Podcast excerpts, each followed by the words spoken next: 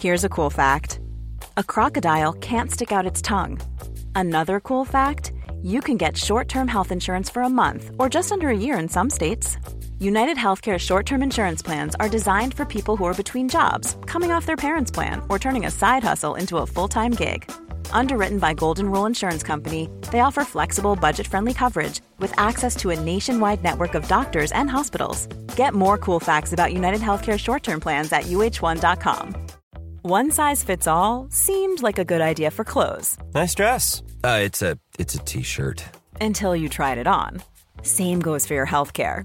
That's why United Healthcare offers a variety of flexible, budget friendly coverage for medical, vision, dental, and more. So, whether you're between jobs, coming off a parent's plan, or even missed open enrollment, you can find the plan that fits you best. Find out more about United Healthcare coverage at uh1.com. That's uh1.com. When you're ready to pop the question, the last thing you want to do is second guess the ring. At Bluenile.com, you can design a one of a kind ring with the ease and convenience of shopping online. Choose your diamond and setting. When you find the one, you'll get it delivered right to your door. Go to Bluenile.com and use promo code LISTEN to get $50 off your purchase of $500 or more. That's code LISTEN at Bluenile.com for $50 off your purchase. Bluenile.com code LISTEN. Jeg har blitt tatt på fersken! Hvilken av ferskene da? Nei, ingen av de, for det er meloner. Det er meloner. Ja. Men eh, Nei, jeg ble tatt på Jeg vil ikke si jeg ble tatt på fersken. Det var en clickbait. Det er jo det vi driver med her, faktisk. for folk til å høre videre. Men jeg har um, Vi har jo snakket om litt forskjellig i denne podkasten. og det er ikke alltid jeg tenker sånn at de personene vi snakker om, hører det. Ikke sant? Mm. Men eh, du og jeg, vi snakket jo om eh, en eh, sånn eh, gastrokirurg Ja. som underviste meg. Og han snakket vi jo heldigvis om da veldig varmt om. Ehm, for han hadde fått det med seg! Han hadde det. Ja, Det var han som hadde den musen i halsen. ja eller i hvert fall viste videoen. Ja, viste, mm. Ja. Eh, og så, men jeg hadde sånn smågruppeundervisning Mm. hvor vi var på Rikshospitalet, og så sier han sånn Hva heter du? Jeg bare «Øh, Katarina. «Hæ? Er det du som har snakka om meg i den podkasten, eller? Eh, ja. Og så jeg bare sånn Har du hørt på? Nei. Bare, han hadde hørt at noen hadde hørt på. Men så sa jeg sånn Men det var bare positivt, altså! Veldig hyggelig at du inne Ikke sant, så måtte jeg sånn. Men ehm, det var jo veldig bra at vi snakket positivt om han. Det var veldig bra. Mm. Du dro ikke en billig spøk som at øh, jeg har også en historie med en mus i buksa?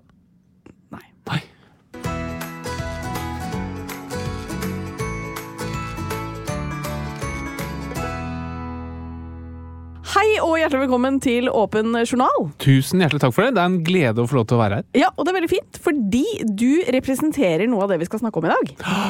Nå er jeg veldig spent. Ja, du representerer det private helsevesenet. Ah. Ja. Det er faktisk det vi skal snakke om. Vi skal snakke om eh, offentlig og privat helsevesen. Hva er fordeler og ulemper med det offentlige helsevesenet? Er private aktører en trussel eller en redning? Og er pasientene da vinnerne eller taperne når det kommer til privatisering? Oi! Og hva mener doktor Doblaug, som selv har sluttet i det offentlige for å starte en privat helsetjeneste? Uff a meg. Vi får høre etterpå. Ja. Eh, Spennende blir det også hva dagens gjest mener om dette. Han er jo fastlege, så han representerer jo det offentlige. Ja. Mm. Vi får nemlig besøk av Kaveh Rashidi.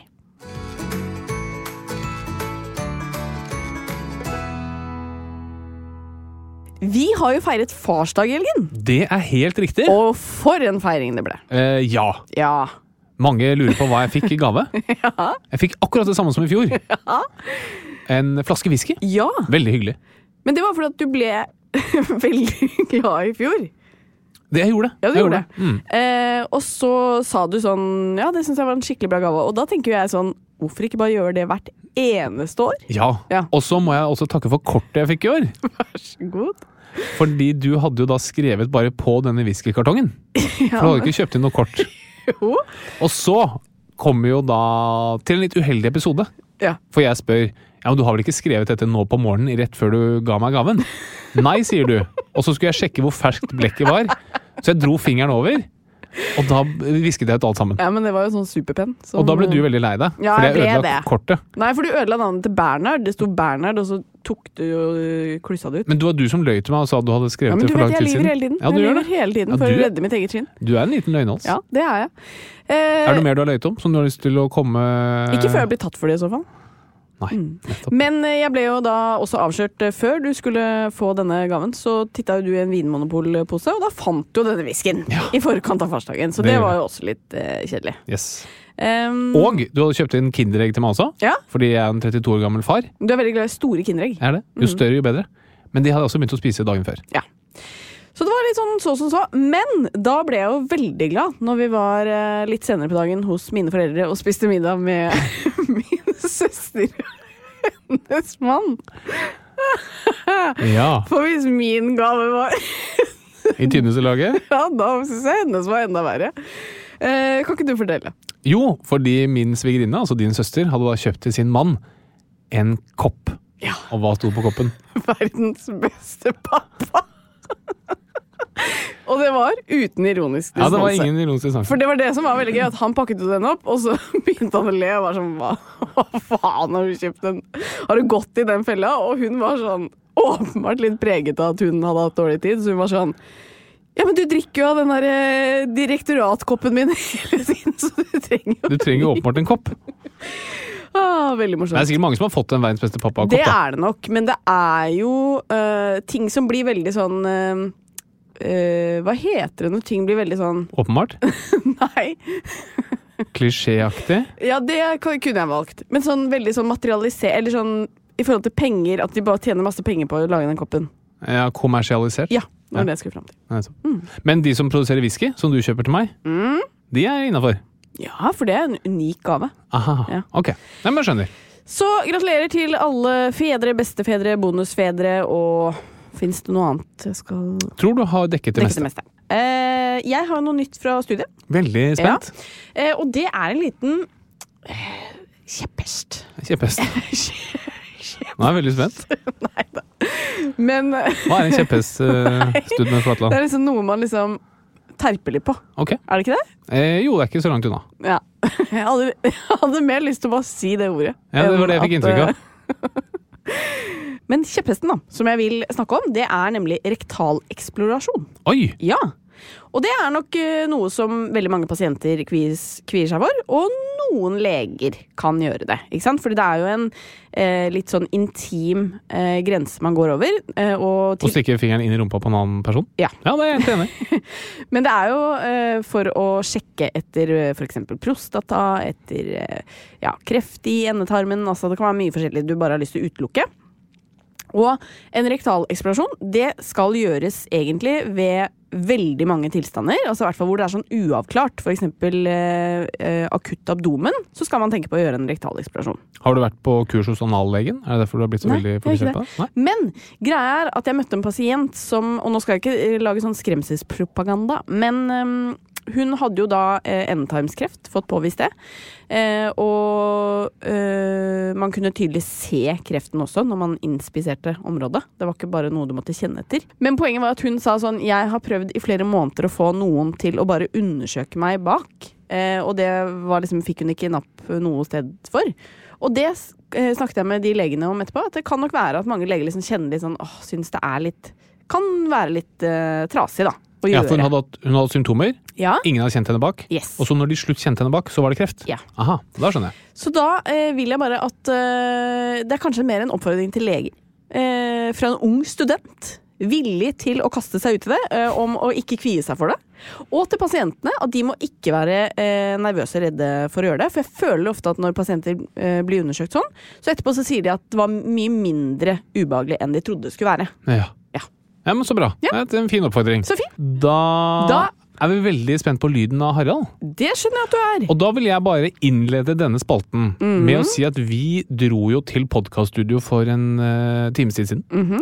Og da sto du på ballet og pusset tennene i forkant av at vi skulle dra. Mhm. Og da så du på meg og fikk store øyne, og så sa du shit, lyden av Harald, ja. Mhm. Den har jeg glemt. Og så begynte jeg å titte desperat rundt Det meg. gjorde du. Du tittet desperat rundt deg etter lyder det kommer sannsynligvis til å prege dagens lyd. Nei, det tror jeg ikke.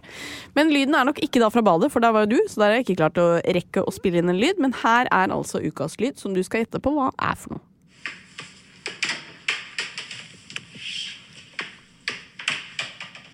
Det er et eller annet som slipper seg i gulvet. Mm.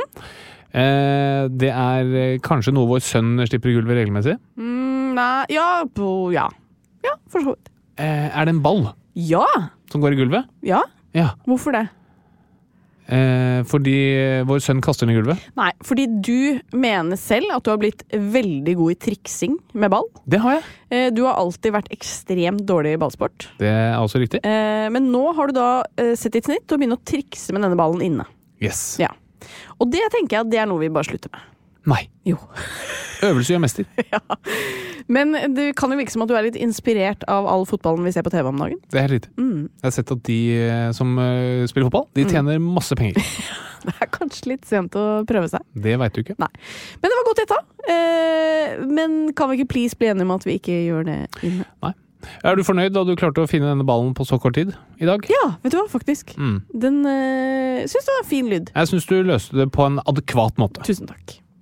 Vi har jo med oss vår flotte annonsør Boots apotek, og akkurat eh, som oss så er de opptatt av å gi gode råd og tips til folket. Det er de så absolutt. Og hvis du tar turen innom et Boots apotek, så kan du alltid være sikker på at du får hjelp av dyktige farmasøyter og autorisert helsepersonell som hjelper deg å finne løsninger på dine helseutfordringer.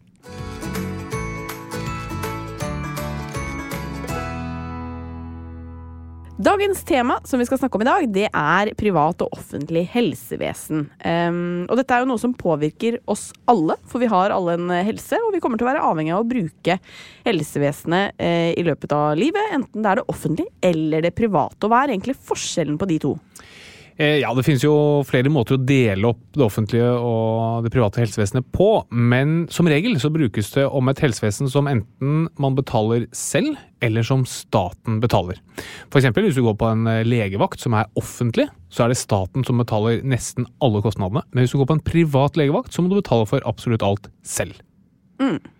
Ok, Men la oss ta, ta det offentlige helsevesenet først. Hvordan fungerer det sånn grovt sett? Ja, det er et interessant spørsmål, og det er et ganske komplisert system. Men det fremstår veldig enkelt, da, fordi vi er veldig godt vant her i Norge. Så Norge, altså som land eller som stat, eh, har bestemt seg for at man skal håndtere og betale for de fleste helseproblemer i befolkningen. Det har staten sagt. Vi tar den, eh, vi tar den regningen. Og dette er ganske unikt sånn i verdenssammenheng. Det er ikke veldig mange land som, som har den tankegangen om at staten skal dekke det meste av eh, helsekostnader. Og det staten da gjør, er at den bestemmer hva er det som skal tilbys av helsetjenester, og så bygger den da ut dette helsevesenet og tar alle kostnadene selv. For så sier staten at alle innbyggerne de skal ha rett til en fastlege, og da er det statens jobb å sørge for at det er nok fastleger rundt omkring som kan være tilgjengelig for absolutt hele befolkningen i hele landet. Og så er det staten som da dekker kostnaden. Og så er det andre ting. Eksempel så sier staten at uh, vi vil dekke alle kostnader hvis befolkningen vår brekker et ben, f.eks. Da er det staten som skal gå inn og fikse og betale det. Og så setter selvfølgelig staten noen grenser. Så sier de vet du hva, hvis du vil ha Botox-behandling mot rynker, det gidder vi ikke å betale. Eller hvis du vil ha forstørret brystene dine, det gidder vi heller ikke å betale. Ok, Men det er jo da eh, oss vanlige folk som betaler skatt, da, og det går jo til helsetjenester. Ja, det, det er helt riktig, og det er en viktig presisering. For det er jo ikke staten egentlig som betaler for det, fordi det er jo vi skattebetalere som betaler for det. Og eh, det finnes jo heldigvis veldig mye informasjon om dette tilgjengelig, så dette kan alle gå inn og se på nettet. Og kostnadene, eh, altså helsekostnadene, er ca. 72 000 kroner per innbygger per år. Ok. Så ganske høye kostnader. Mm. veldig høye kostnader sett også i verdenssammenheng. Men igjen, det er skattebetalerne som betaler. Så hvis du har en gjennomsnittlig årslønn, så går ca. 8000 kroner ut av din lommebok til eh, staten, som går rett ut til helsetjenester for befolkningen. 8000 hver eneste måned. Og så er det jo sånn at det er jo litt varierende hva man trenger i løpet av et år. fordi er man stort sett frisk og kanskje har én time hos fastlegen, så føler man jo kanskje at man får litt lite valuta for pengene, holdt jeg på å si. Men så hvis man blir kritisk syk, trenger en transplantasjon, så har man jo plutselig tatt igjen sikkert årevis med dette, disse beløpene, da. Ja, så Det er en Ja. sånn fellesskapstankegang som man har i Norge. Man sier at eh, istedenfor at du skal betale lite hvis du er frisk og mye hvis du er syk, så betaler du det samme uansett. da. Og det er jo selvfølgelig Eh, vi skal se veldig kynisk på det. En ulempe når du er helt frisk og ikke bruker noe særlig helsevesen, og så er det en fordel når du er veldig syk. da. Men det er en sånn solidaritetstankegang som jeg personlig er veldig fan av. Ja, for la oss ta fordelene da, med det offentlige helsevesenet. Hva er det? Det er veldig veldig mange fordeler med et sterkt offentlig helsevesen. Og dette prinsippet om at helsetilgangen skal være lik, eller så lik som mulig for alle mm, i befolkningen, uansett hvor rik og fattig det er, det er et veldig viktig prinsipp i Norge og sitter godt forankret i den norske folkesjelen. Og det er også personlig veldig, veldig stor fan av. Ja, det er jeg enig i. Men er det noen ulemper, da? Eh, ja, altså det er ulemper med alt mulig. Man, man, kan jo selvfølgelig argumentere for at løsningen er urettferdig. Hvorfor skal en frisk person betale for helseutgiftene til en syk person, kan man jo si da. Eh, det jeg personlig mener er at en, en ulempe med et sterkt offentlig helsevesen er at det blir et veldig stort monopol. Altså alt drives og eies av staten, og da får du veldig lite konkurranse. Du får ikke liksom, samme behov for forbedring fordi man er den eneste tilbyderen. Når offentlig helsevesen er den eneste tilbyderen der ute, så er det ikke noen grunn til å begynne å konkurrere med seg selv. Da. For eksempel kirurgi. Hvis du skal opereres, så er det i all hovedsak det offentlige du må opereres eh, hos. Og da må du bare opereres på det nærmeste sykehuset. Altså det sykehuset som er nærmest der du bor. Og da trenger jo ikke den kirurgiske avdelingen å øh, forbedre seg for å konkurrere mot andre kirurgiske avdelinger. For de vet at vet hva, vi har de pasientene som kommer til oss, er de som bor i nærheten. Det er ingen som kommer til oss fordi vi er flinke eller ikke flinke. Og det tenker jeg kan, kan, gjøre at konkurransen ikke blir så kraftig som den kanskje burde være, for å sørge for at du får gode helsetjenester. For eksempel hvis du skal fjerne galleblæren, da, en veldig vanlig kirurgisk inngrep i Norge, eh, så blir du henvist til nærmeste sykehus. Så hvis du bor i Odda, så kommer du til et sykehus hvor de fjernet 28 galleblærer i fjor. Mm. Men bor du i Stavanger, Jeg har da kommet til et sykehus som fjernet over 400 galleblærer. Mm. Og hvem tror du er flinkest? Sannsynligvis de som gjør det mest, da. Mm. Hadde det vært konkurranse, sånn at de som bodde i Odda visste at de kunne dra til Stavanger, da må jo Odda sykehus gjøre sånn ah, shit, nå skal vi vise at vi er veldig flinke. Um, og kanskje ha litt større press på det, da. Mm. Så det er én ulempe. En annen ulempe som jeg er litt opptatt av, og det kommer vi sikkert tilbake til, det er at det blir ikke noe særlig konkurranse om helsepersonellet. Mm. Ikke sant? Fordi hvis du er sykepleier eller helsefagarbeider eller lege, så må du i all hovedsak jobbe i det offentlige. Og da trenger jo ikke det offentlige å gjøre seg så veldig attraktive, for de vet at det er ikke så veldig mange andre steder å gå enn i det offentlige helsevesenet. Så det de offentlige sykehusene gjør, er at de blir enige seg imellom om hvor gode vilkår de skal tilby. Hvor god lønn de skal ha, hvor mye feriedager, eh, mulighet for hjemmekontor osv. Og, så og da vet jeg at det er ingen andre sykehus som tilbyr noe særlig bedre vilkår. Og når det ikke er noe konkurranse om helsepersonellet, da blir det veldig dårlige vilkår for de ansatte. Mm. Så veldig bra for skattebetalerne, for du kan sørge for å holde kostnaden til sykepleiere og leger så lav som mulig. Du må, du må gi dem så lite som mulig i lønn. Bra for skattebetalerne, men litt dumt for de som jobber i helsevesenet. Mm. Men så har det også øh, vært tilfeller hvor det offentlige kjøper tjenester av det private. Når er det de egentlig gjør det? Nei, Det er hvis du har enkelte tilstander eller kirurgiske inngrep øh, hvor det er veldig lang kø i det offentlige. F.eks. hvis du skal få en ny hofte, da, og det er veldig lang kø i det offentlige, så kan det offentlige si vet du hva, nå er det så lang ventetid at vi velger å kjøpe inn disse tjenestene av et privat sykehus. Mm. Og da sier eh, staten at eh, hei, du som trenger en ny hofte, du kan nå bli operert på et privat sykehus, men vi dekker kostnadene. Og da er det sånn sett innenfor det offentlige helsevesenet. Ok. Um, men for å sette det litt på spissen. altså Sykepleierne de er jo uh, misfornøyd med at de får for lite betalt. Um, og uh, pasientene de har lange ventetider hos fastlegen. Og vi snakker jo om en fastlegekrise hvor, hvor, veldig mange har lyst til å slutte i jobben fordi arbeidsbelastningen blir for stor. Altså Norge er et veldig rikt land. Hvorfor kan man ikke da bare bruke enda mer penger på det offentlige helsevesenet, slik at alle får tilbud om liksom raskt, uh, rask behandling og dyktige leger, og bare gjøre folk fornøyd, da. Ja, det er jo selvfølgelig en avveining man gjør hele tiden. Det man ønsker er et helsevesen som er godt nok, men du vil jo helst ikke bruke mer penger enn du må på helsevesenet. Så man, man, sparer selvfølgelig der man kan, og en, en, viktig utgiftspost er jo selvfølgelig helsepersonellet. Så for å se på det litt kynisk, og det er selvfølgelig ikke alle som er enig med meg i dette, men du tenker at du må jo betale personellet så lite som mulig. Sånn at ikke du bruker mer av skattebetalernes penger enn det du trenger. Og når du da også får et sterkt offentlig monopol, så betyr det at du har ikke så mye konkurranse. Så du kan faktisk, sånn som nå etter, eller under koronapandemien, du kan faktisk betale folk mindre relativt sett enn du gjorde året før. Selv om du er midt i en pandemi. Det er ganske utrolig. Jeg tror ikke det er mange yrkesgrupper som ville akseptert det. Mm.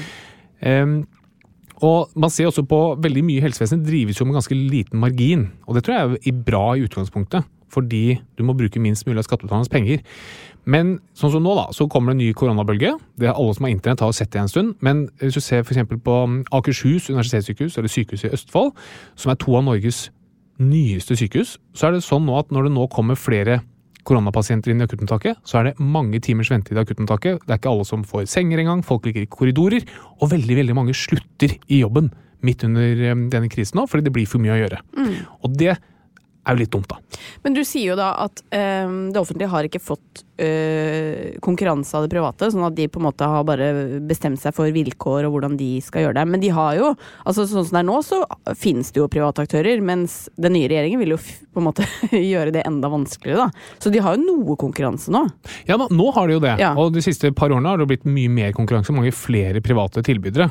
Og det finnes mange ulemper med det, men sånn rent vilkårsmessig for helsepersonell, sykepleiere og leger, så er det jo bra. Fordi sånn som jeg tror det er 14 sykepleiere som har sluttet på sykehuset i Østfold de siste månedene nå. Det er fra akuttmottaket. Ja. Det er utrolig mye. Ja. 14 stykker har sluttet. Og så er jo, Hvorfor slutter de? Nei, Det må jo være fordi de kan få seg et jobb et eller annet sted.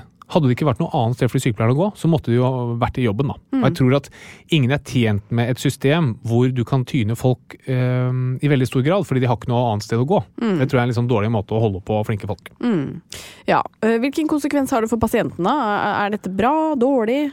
Eh, altså, jeg personlig tror at folk liker å ha valgmuligheter. Jeg tror folk liker å velge mellom flere forskjellige ting. Veldig mange syns at det offentlige helsevesenet bør være bærebjelken. Det syns jeg også personlig. Men de fleste går til fastlegen eller til den offentlige legevakten, men innimellom så bruker de også private alternativ hvis de har dårlig tid eller er noe helt spesielt. da. Og det trenger ikke å være fryktelig rik for å gjøre det, det handler bare om prioritering. Ja. Eh, Og apropos rik.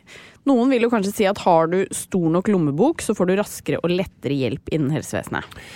Ja, Det er i all hovedsak ikke riktig, fordi det er det offentlige helsevesenet som er det sterkeste. Så både hos legevakten og på offentlig legevakt, når du skal opereres, skal du alvorlige ting, kreftbehandling, så har det ikke noe å si hvor rik du er. da. Og det er virkelig kjernen av det offentlige helsevesenet. Og det er fantastisk og veldig bra. Så er det selvfølgelig noen ting man kan kjøpe seg ut av. Man kan få litt rask, man kan gå til en privat legevakt, eller man kan betale for andre private eh, legetjenester. Men det utgjør en forsvinnende liten del av det offentlige helsevesenet. helsevesenet.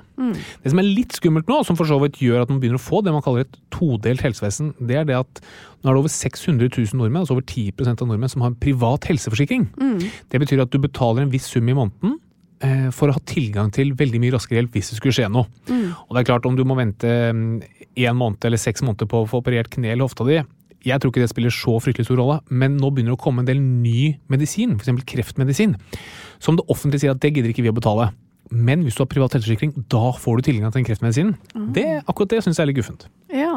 Du hadde jo eh, en jobb som ortoped eh, på et sykehus. Elsket det. Syns det var noe av det morsomste du kunne drive med.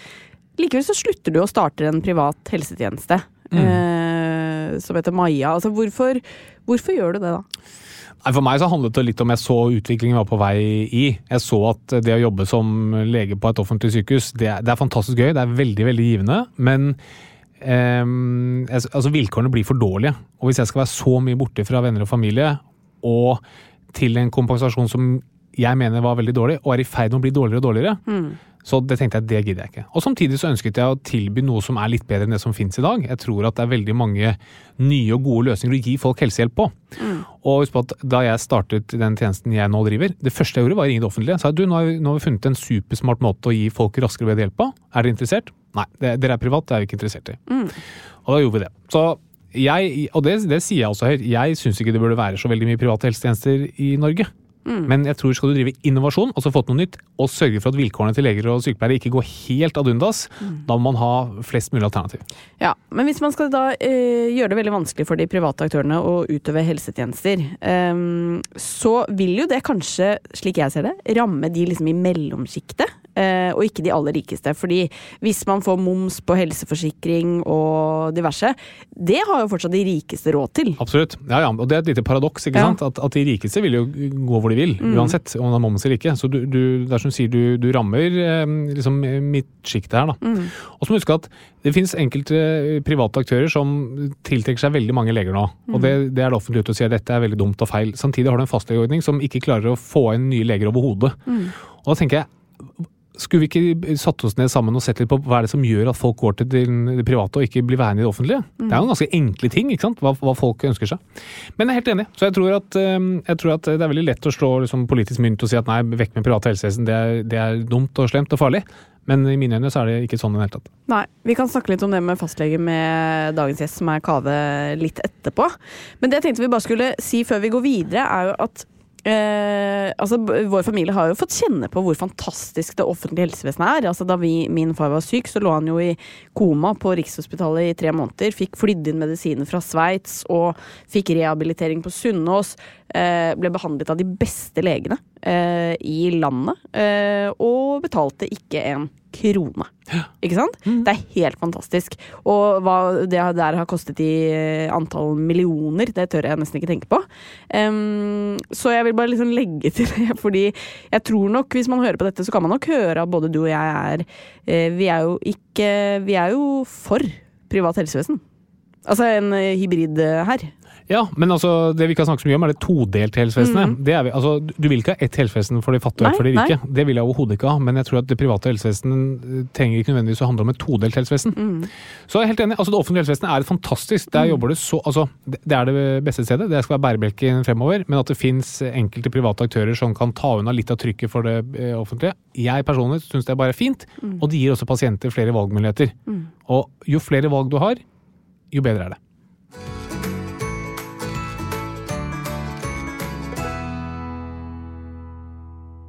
Dagens lyttespørsmål det går på en eh, lita lilletå.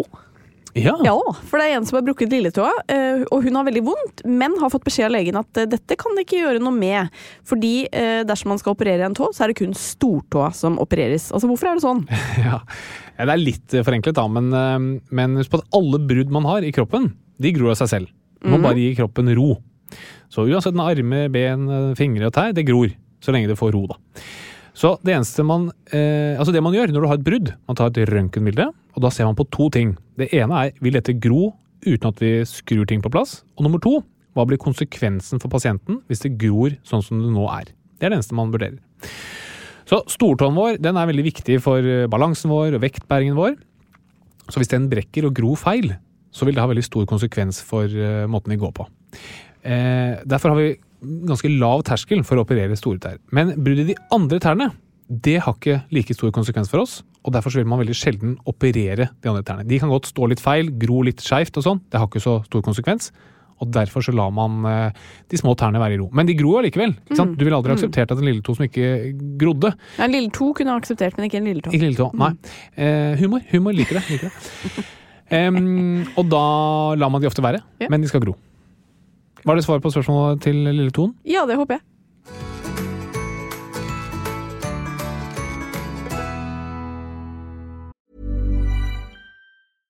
This is Paige, the co-host of Giggly Squad, and I want to tell you about a company that I've been loving, Olive and June. Olive and June gives you everything that you need for a salon quality manicure in one box. And if you break it down, it really comes out to $2 a manicure, which is absolutely insane. It's also so easy to get salon worthy nails at home with Olive and June. The difference between how your nails used to look when you did them yourself and now with the Manny system is a complete game changer. The best thing about Olive and June too is it's a quick dry. Dries in about one minute, lasts for five days, and full coverage in up to one to two coats. Visit oliveandjune.com slash perfectmanny20 for 20% off your first system. That's oliveandjune.com slash perfectmanny20 for 20% off your first system.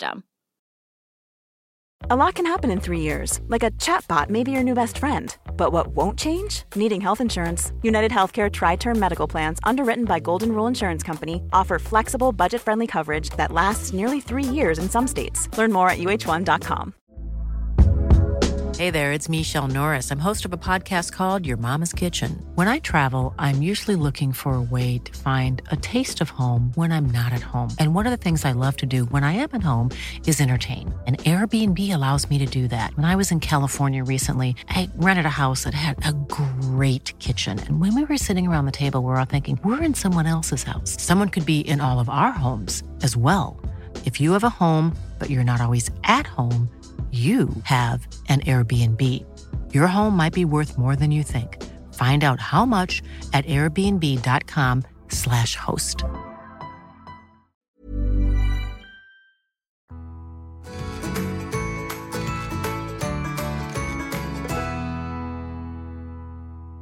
Da har vi fått besøk i studio av en kollega, må vi kunne si av deg, og en fremtidig kollega av meg. Hvis alt går som vi håper tror det skal, så tror jeg det er helt riktig. Ja, velkommen, Kave. Tusen takk. Vi er kolleger både som podkastere og som leger, vi. Det er selvfølgelig sant. Og som småbarnsforeldre. Ja, altså, ja. vi Og har kjendiser? mange Ja, ikke minst. For det, det Folk som har vært på God morgen Norge. Er det en egen kategori? Jeg, jo, men dere, altså, det har skjønt at liksom, sånn, når man er kjendis, da, så liksom, da hilser man liksom på hverandre fordi man, man begge vet hvem hverandre er. Gjør dere det? Er dere liksom i den eh, boksen? Um, jeg føler nesten det motsatte er problemet, for jeg føler at jeg kjenner deg, Katarina. Mhm. vi, vi er nok i den kategorien burde virkelig ha vært en arena hvor vi har hilst på hverandre før, Ikke sant? men det har ikke vært det. Um, og da har vi kommet over en grense hvor det blir nesten litt sånn Ja.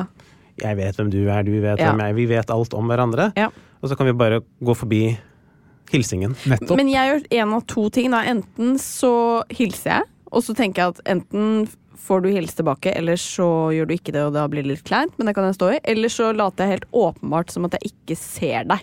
Ja, Den går jeg ofte for. Ja, den er du veldig Ja, god på. total ignorans.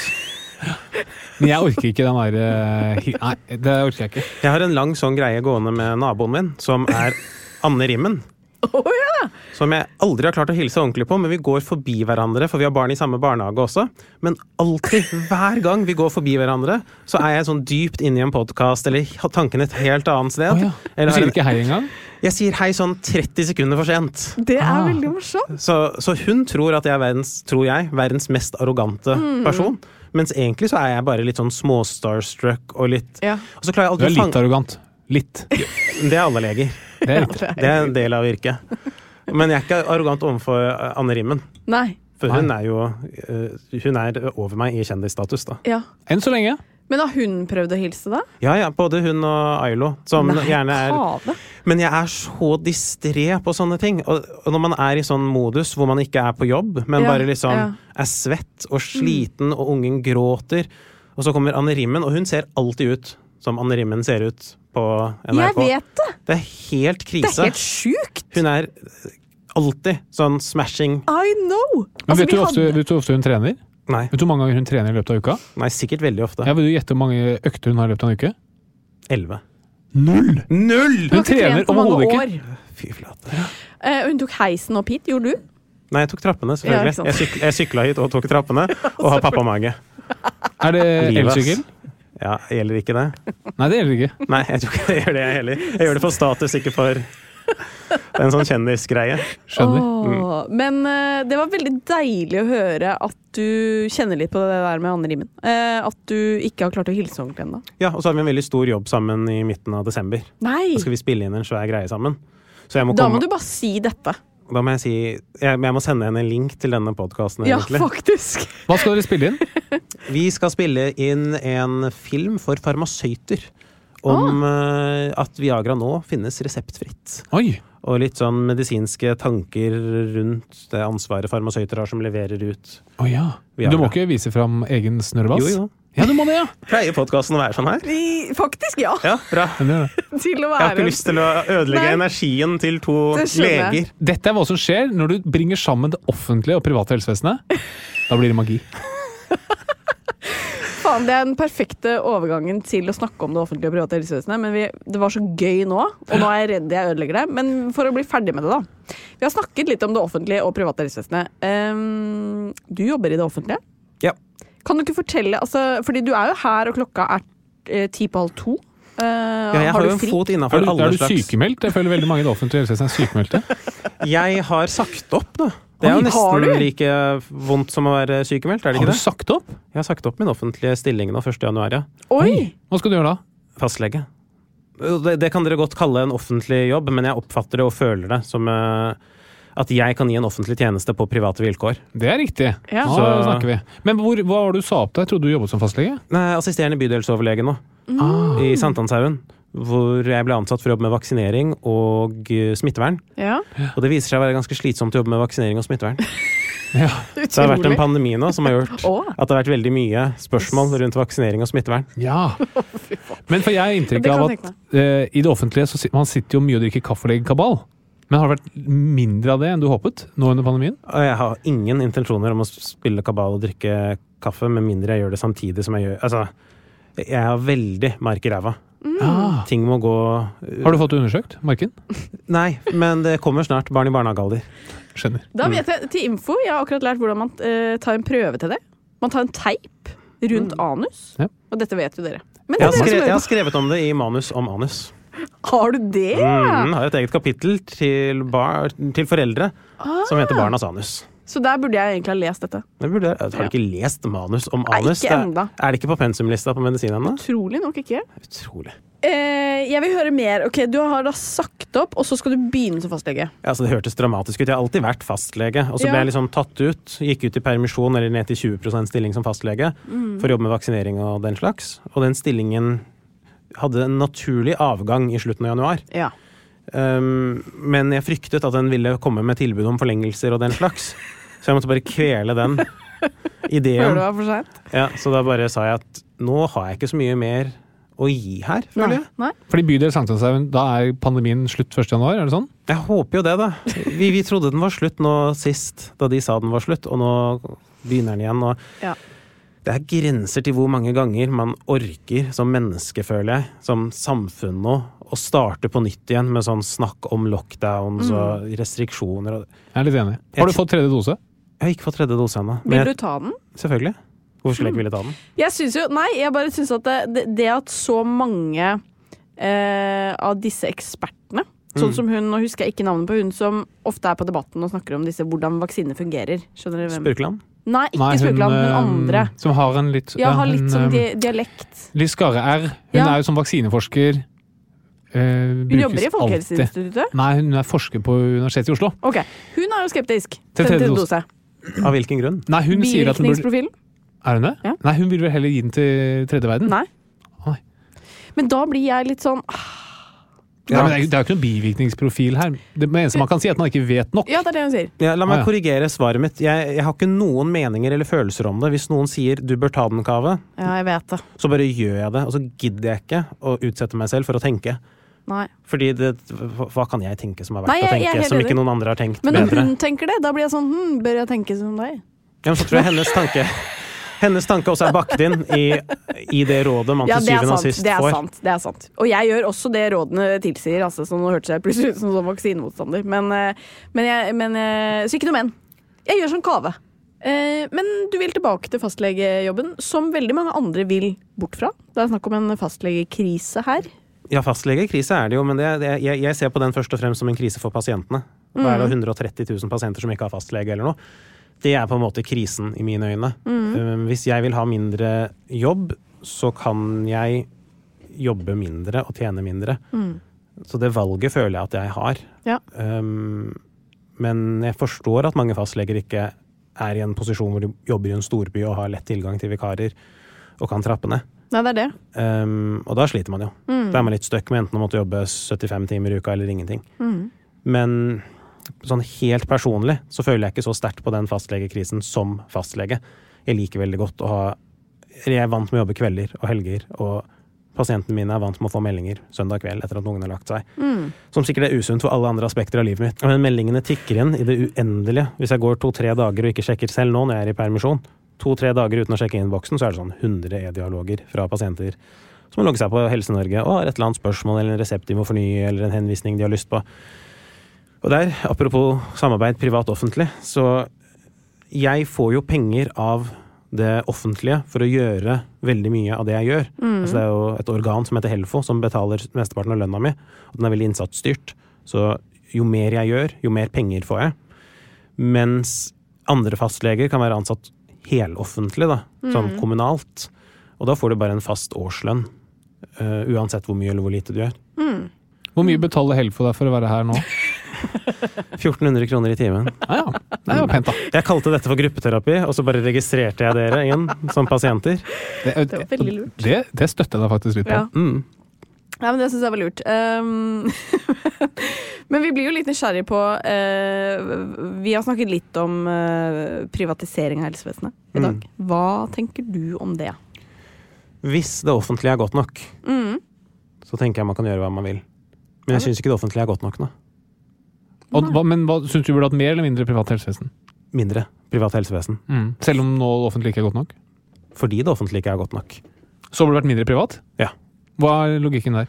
Um, hvis vi fortsetter å ha private tilbud når det offentlige skorter, så er jeg redd for at det private blir uh, A-tilbudet, og det offentlige blir B-tilbudet. Ja, det er jeg enig i. Det burde vi absolutt unngå. Um, hvis det private skal eksistere, og er bedre enn det offentlige, så betyr det at det offentlige må skjerpe seg. Ikke sant? Men, men, er det For ikke sånn, da, kan det ikke, sånn kan det ikke være. men burde det ikke da være et insentiv for det offentlige til å skjerpe seg, ikke til å forby det private? Burde det, men eh, hva er det vi har i praksis? Fastlegekrise, så folk må til private tilbydere for å få basic helsetjenester, fordi det offentlige ikke klarer å dekke det.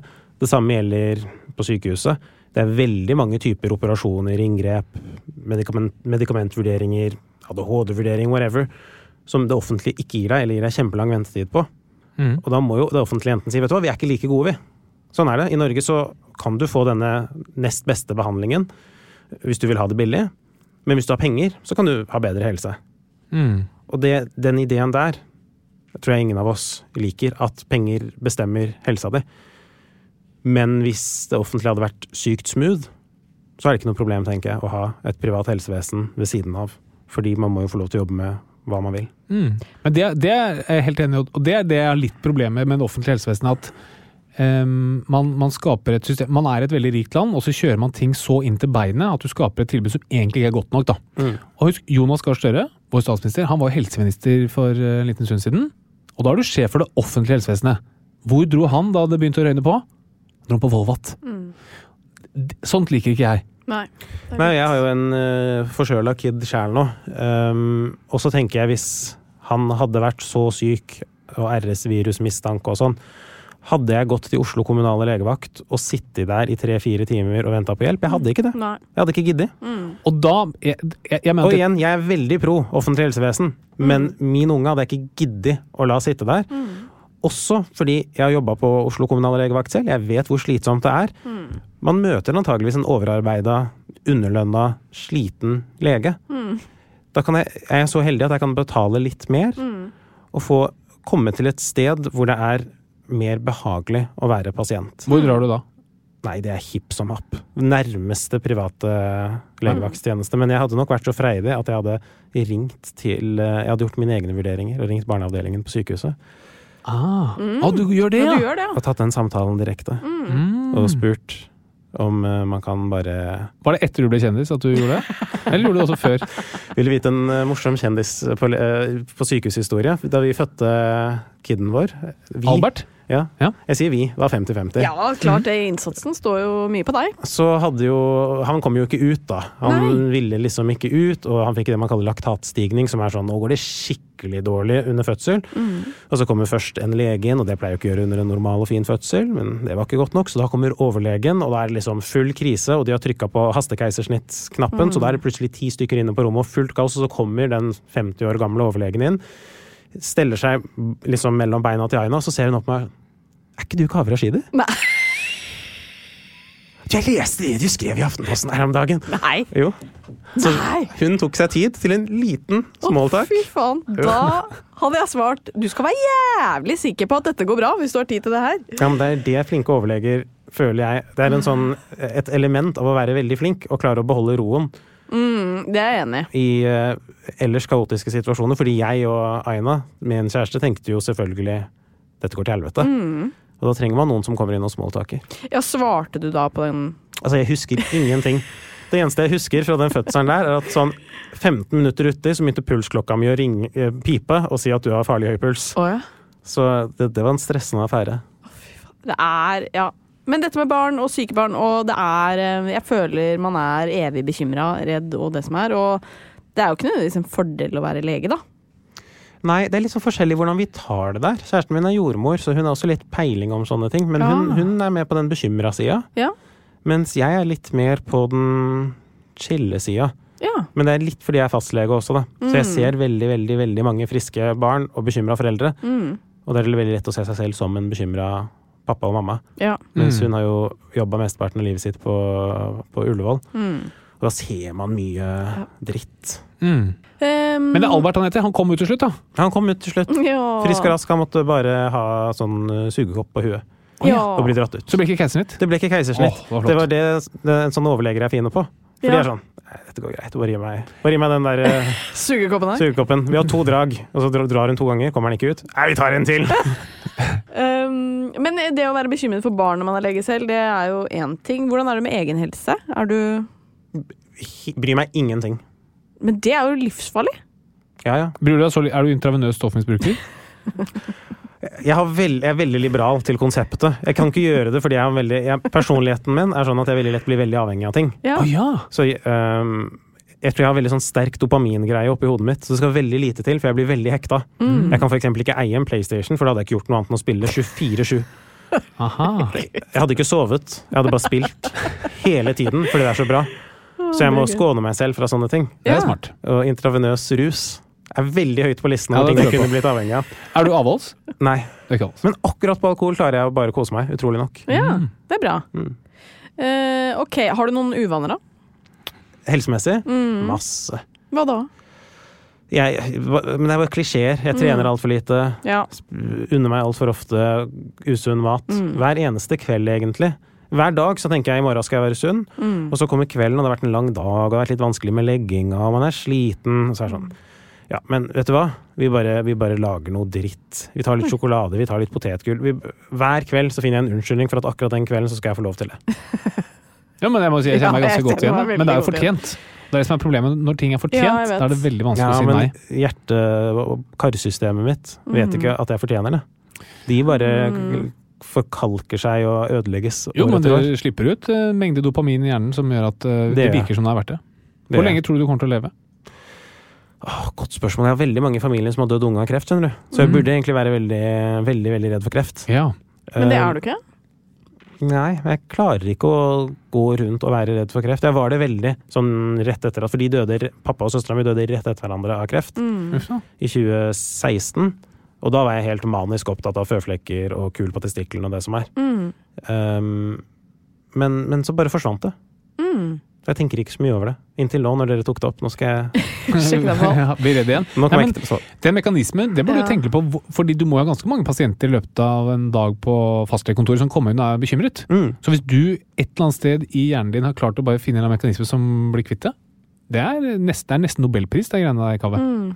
Ja, men jeg tror min mestringsstrategi er en usunn en. Men jeg tror egentlig mestringsstrategien min for de fleste problemer i livet er å fylle livet Kanskje det ikke er usunt når jeg sier det høyt. Det er å fylle livet med ting jeg syns er fint. Mm. Hvordan, hvordan holder jeg vonde tanker ut av hodet mitt ved å bare ikke ha tid til å introdusere dem? Jeg er dødsliten klokka ni på kvelden. Det, det fins ikke mer energi. Hvordan skal jeg klare å tenke en negativ tanke når alt jeg vil er å sove? Og så står jeg klokka halv seks med en unge. Ok, nå, nå skryter jeg på meg litt. Jeg står opp halv sju, da, for det meste. med en unge Sammen. Så, Så løper vi en fem-seks mil sammen, Albert og jeg. Det, men jeg er ikke en sånn type. Det er kjæresten min som står opp halv seks oftere enn meg. Det skal jeg innrømme. Eh, Hun er svært sjenerøs på, på arbeidsfordelingen. Oh. Men ja, Eh, jeg får ikke tid. ikke sant? Jeg bare gjør ting som jeg syns er stas hele tiden. Og når skal jeg ha tid til å tenke på krefter i meningen med livet, eller hvorfor det offentlige helsevesenet ikke er godt nok? Nei, jeg er for så vidt enig, men jeg har jo mye tid om dagen til å studere, holdt jeg på å si. Det er det jeg gjør, og da øh, leser jeg med alt man kan få, og da det er jo noe som jeg tenker Jeg har jo et eller annet adenom liggende et eller annet sted. Kanskje det at jeg er et aneurisme som kommer til å sprekke snart. Mm. Altså, er, jeg får lyst til å kjøre CT-hodet og en liten PET-scan av hele kroppen, jeg, gitt. Ja, akkurat CT vil jo kunne føre til kreft i seg sjøl, da. Ja, det kan du si. Så i så fall så måtte det ha vært eh, MR pluss kanskje noen ultralyder på mindre steder. Men Ja. ok, la oss si du gjør det, og så er resultatet helt perfekt. Ja, men det er det jeg ikke tror det er. Jeg tror du, du finner noe. Det gjør du jo. Jeg tror tallet på uh, incidentalomer, som det heter, da, Ja, det er akkurat som det om. tilfeldige kuler, var det på to og et halvt per nordmann. Ja, det er såpass, ja. Så hvis du To og en halv per nordmann? Ja. Oi! så hvis du først har en full body MR som du har lyst på Mm. Jeg husker ikke tallet. Skrev om det i den andre boka mi, eh, Kanskje du er frisk, hvor jeg snakker om at man ikke må gjøre for mye. Så der har du et problem med det private helsevesenet, da. Mm. Fordi det offentlige kan fort gjøre for lite, men det private kan fort gjøre for mye. Absolutt. Helt enig. Så det, det er en mellomting der som er er vanskelig enig. å finne. Altså, jeg er 100% enig. Jeg, eh, I dag så jeg på forsiden av Aftenposten. Så var det en, På forsiden av Aftenposten, det er dyr annonsørplass. Mm. Der var det eh, for en sånn privat helsetjeneste som tok ultralyd av hele kroppen. Å ja. Mm, det har du sikkert skrevet om, Kave. Det, det er ikke bra. Det er en krise. Um, men hvem er best av uh, doktor eh, Kave og doktor Katarina i dagens quiz? Ja, det gleder vi oss å se. Vi kjører quiz. Nå har jeg veldig lyst til å vinne, kan jeg bare si det? Eh, ja, det er greit. La meg kjøre introduksjonen, i og med at dette er mitt lille hjørne. Velkommen til quiz, Katarina Flatan Doble. Tusen takk. Velkommen til quiz, doktor Kaveh Rashidi. Takk, takk. Kave, Ja. hvilket fylke i Norge har flest fastleger per innbygger? Flest fastleger per innbygger. Det må jo være et sentralt sted, tenker jeg. Og siden jeg ikke, sikkert ikke kan navnene på alle fylkene våre, så går jeg bare for det enkle svaret Oslo. Katarina? Ja, Siden du spør, så vil jeg egentlig ikke tro at det er det, men uh, Finnmark? Finnmark er helt riktig. Ah, deilig! Det er ikke mange som vet. Nei. Nei. Neste spørsmål. Kave, hvilket fylke i Norge har færrest fastleger per innbygger? Det er i hvert fall Oslo. Da går jeg på Det er jeg faktisk helt sikker på når du nevner det. Det er ikke mange som vet. Uh, Ok, som da vet. går jeg for Oslo, jeg òg. Det er riktig. Oslo har færrest, og Finnmark har flest. Så du ser, Katarina, selv om du er smartere, så er jeg tilpasningsdyktig. Ja, Det er det. jeg merker det. Og Det det er kommer man kom langt, det man langt med i livet. Survival of the fittest. Mm. Ja. Eh, eh, Kaveh, hva er lønnsforskjellen mellom en fersk lege og en gjennomsnittlig sykepleier på sykehus? I kroner. I kroner. Jeg tipper Fersk, tenker du da turnuslege? Eh, ja. Da tipper jeg at den lønnsforskjellen er så å si ingenting. Siden du spør som du gjør, Mm. så kan jo ikke sykepleieren tjene mer, men uff, det hadde ikke overraska meg. Jeg tipper det er likt. Katarina? Eh, Da tror jeg legen tjener eh, 50 000 mer. Ja, nesten 5800 i måneden, altså 70 000 mer i året. Men poeng til meg, da. Ja, faktisk poeng til deg. Ja. Hvis ikke man snakka hver måned, da? Eh, ja, det, man, Nei, man, nei, nei. nei, nei, Men eh, hun, Nei. det hender hun bommer ganske stygt, men akkurat her tror jeg Ja, ikke hun gjør det. det var jeg ganske nærme. Katarina, hva er karakterkravet for å studere medisin i Slovakia? Oh, 4,2. Kaveh? 4,1. Strategisk tett inntil ditt svar, bare for å dekke så mange som mulig. Ligger det lavere. Nei, det er ingen, ikke noe karakterkrav. Overhodet. Ja, og null er nærmest 4,1. Ja. Eh, det, jeg, jeg kjøper det argumentet. Jeg skal gi deg den, jeg. Det er 2-2. Hva, hva skal man gjøre for å komme inn? Ta en opptaksprøve. Katarina, hva burde Norges største private kvinneklinikk hete? Jeg vet ikke. Kave. Norges største private kvinneklinikk. Jeg prøver å finne et morsomt ordspill, men jeg er helt Ja, blank. Vulvat. Vulvat. Mm, Den er fin. Takk. Okay. Takk. De smiler, dere hører ikke det som hører på, men de smiler begge to her. Neste spørsmål. Kave. Må Ja, man bare være av høflighet, da. Ja, ja, ja, Dere ser det ikke, men det er en ironisk distanse i smilene våre. Det er det ikke. Det kan jeg se, for jeg er lege. Eh, Kave. Må man være legespesialist for å hete overlege? Nei. Katarina. Om man må være en legespesialist. For å hete overlege? Man må være en spesialistlege for å være overlege. Nei, det må man ikke. Å. Og her, her sitter jo et levende bevis. Jeg er ikke spesialist før om fire måneder til, jeg. Nei. Og han har jo vært bydelsoverlege. Mm. Det er bare sånn, det er en sånn tittel de bruker for, for å bare Presse ned. dyrke seg selv. Ah, Ja. skjønner. Og for å få lov til å komme inn i høyere lønns... øh, Mm, Det er det det går på. og for å kunne ha Det er litt som i militæret, for å kunne ha makt over noen andre. Yes. Mm. Sånne bydelsoverleger og sånn, det er, der er det mye, mye rart, altså. Særlig på er- Særlig i det Ja. området der. Mm. Men ikke etter 1. januar. Da blir ting mye bedre. Jeg hørte de har gjort noen De har gjort noen ordentlig De har tatt oppvaskmøte der, for å si det sånn. De har tatt noen grep. Kave, hvor mange nordmenn studerer medisin?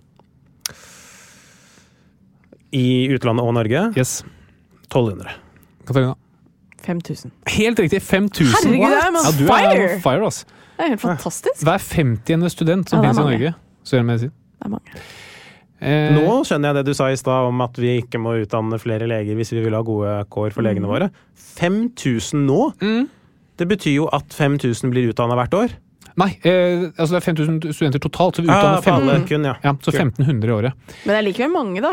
Altså, hvis det har vært en veldig vok vekst i antall medisinstudenter, Mm. hvis den veksten fortsetter i, t i 2030, så er alle i Norge leger. da er det 5,5 millioner leger i Norge. Jeg, altså, vi må ha masse leger inn, men det som er problemet nå, er at vi, vi har fått en tilstand hvor det, det finnes så mange leger at du kan gi leger veldig mye dumme oppgaver. For du øh, har så mange å ta. Og så bøter Men hvis det hadde vært stillinger på, i det offentlige helsevesenet for legene, så hadde vel ikke det vært noe problem. Jeg har stått mangt en gang på et akuttmottak og tenkt kunne vi ikke bare vært én annen person her som gjorde dette? Så hadde ikke jeg trengt å være våken i 24 timer, for så på 25. time å dra opp med en blindtarmbetennelse. Jeg orker ikke det der, liksom. Helt, det er helt riktig. Um, uh, Katarina, hva er navnet på svenske leger som ikke får turnustjeneste? Sykepleiere. Nei, vet du hva, jeg er litt dårlig på ordspill i dag. Jeg er god på, det, jeg er god på fakta. Ja, du er det. Ja, men nei. Kave? Har ikke peiling. Uturnuskandidater. Utur. Utur. Uturnuskandidater. Jeg skjønte ikke hvorfor det er svenskt. Utur er jo svensk og uflaks, ikke sant? Å ja! Det er jo også utur, er jo også et norsk ord. Utur, ja. Det var veldig utur. det er svensk. Kave, nå må du hjelpe meg. Nei, jeg ikke spør den eneste mørkhuda personen. Jo, altså, det er jo det eneste, Du er den eneste håpet vi har for noe som helst faglig nivå her. I norskspråket, nei. Herregud. Man kan jo si å, han hadde så utur på den etappen der. Ja. Fortsett, så skal jeg sjekke ordboka. Hva faen? Har du hørt Snakker vi om Ja, men det er ord? svensk! Ja, men altså, Jeg er enig i at ordet brukes, men jeg vet ikke om det er i en ordbok av den grunn. Utur, søk Selvfølgelig er det et norsk ord. uh, Nynorsk-ordboka har det, men ikke bokmål. Han hadde utur. Ha utur med loddtrekninga, eller ha utur med krøtera. Ja, men det er nynorsk, da. Nynorsk. Ja ja, men det er ikke bare Ja, svensk. ok, da. Hva er navnet på en nynorsk lege som ikke får turnustjeneste? Uturnuslege. Ja, helt riktig! Nei, men nynorsk er jo et skriftspråk, ikke nasjonalitet. Ah, da trekkes poeng tilbake. Ah. Er det, du leder nå, 3-2. Eh, Det er to spørsmål igjen. Kave, hvor mange prosent av alle boliger i Oslo kan en sykepleier kjøpe? Ti. Katarina? Nei, jeg går ned. Ja, det tror jeg. Fem. Da går jeg under deg og tar fire. 1,3 prosent. Det er en veldig viktig indeks, sykepleierindeksen, som viser litt om boligprisnivået i Oslo. Så hvis du er en sykepleier, gjennomsnittlig sykepleierlønn, skal kjøpe en bolig, kan du kjøpe 1,3% Det er ganske kjipt. Det er kjipt, ja. Sykepleierne må få mer lønn. Eller begynne å bo i garasjer. Det er jeg enig i. Jeg var løsningsorientert her. Trenger de en bolig? Det er der vi må seg. begynne. Siste spørsmål. Her er det mye poeng å hente. Kave, hvilken etterutdanning må sykepleiere ha for å jobbe ved mage-tarmavdelingen? Etterutdanning, de må ha for å jobbe med magetarm. Uh, Gastro-etterutdanning. Jeg har ikke peiling. Nei, jeg vet ikke. En bachelor? Ja, det er fint. Der, nå lå Kalle på ordentlig! Ja, Ja, men jeg, jeg skjønte ikke at, jeg skulle, at, det var, at du fortsatt var blandingen av eh, ironiske Nei, men du spørsmål aner og ikke ekte med han. spørsmål. Plutselig er det ironisk, plutselig er det ekte. Du aner ikke. Det er bare å henge i stroppen. Ah, Men eh, det har vært Hva skulle du si? Nei, bare en bachelor. Jeg jeg jeg på en med en jeg. Ja, ja. Hvis jeg ser deg bruke den i noen bøker, eh, artikler, noe sånt, da skal jeg ha kreditt for den, Kave. Det skal du få. Jeg så du likte den, eh, du likte den du også. Uh, it's been a blast, som vi sier i uh, farmakologien. Nei da, men det er morsomt. Jeg skjønte jeg Det var i hvert fall én av to leger som Nei, det var jo ingen Jeg tenkte, Det fins jo sånn cytoblaster, det fins jo ja, medisinske ja. celler som er blaster. Det kunne jo være Ja, it's been a cytoblast. Mm. Hæ? It's been a megacaritoblast. Jeg tror vi gir oss der, jeg. Mhm. Det tror jeg altså. Men før vi gir oss, hva er det vi pleier å gjøre? Ja, Kave, vi, må ha et, vi driver og oppdrar et barn som Ja. vi har fått inn i hus, som heter Bernhard. Han er litt over et år gammel. Han trenger å få masse input. ikke sant? Han vet ingen verdens ting. Nei. Hva syns du vi skal lære han? Lær han at han skal At han aldri kommer til å bli sånn ordentlig lykkelig. Nei, uff da. Nei, mm, setter, er man blir jo ikke lykkelig sånn for alltid og evig, men at liksom Streben etter lykke, Mm. det er fint i seg sjøl. Vanlig med motstand. Ikke lag et sånt barn som er sånn Nå skal du oppnå alt du skal i hele livet og bli lykkelig en gang for alle. Mm. Det er veldig slitsomt for barnet, tror jeg. Jeg tror det er riktig. Jeg hørte et veldig fint ordtak her fra um, tror jeg, Ernst Hemingway. Mm. Og han sa det fins ingenting sjeldnere enn et intelligent menneske som er lykkelig. Mm. Ja, han sa det litt bedre enn meg. Ja, han gjorde faktisk det. Han gjorde faktisk det. Så når jeg går videre, så kommer jeg fortsatt til å tenke på Ernst Hemingway før jeg tenker på deg, Kave Shidi, når det kommer til lykke. Men når det gjelder andre ting, for eksempel anus, da er du over Ernst Hemingway på lista mi. Pluss jeg lever, da, så du kan jo faktisk snakke med meg. Det er helt riktig. Det er også en veldig fordel. To fordeler der. Og enda flere, det er jeg helt sikker på. Men det har vært veldig hyggelig. Eh, tusen takk for at du kom. Hyggelig å være her. Tusen takk til deg, Kava, og takk til Helfo som har betalt for at du kan være her. Hei da! Plan B. Planning for your next trip?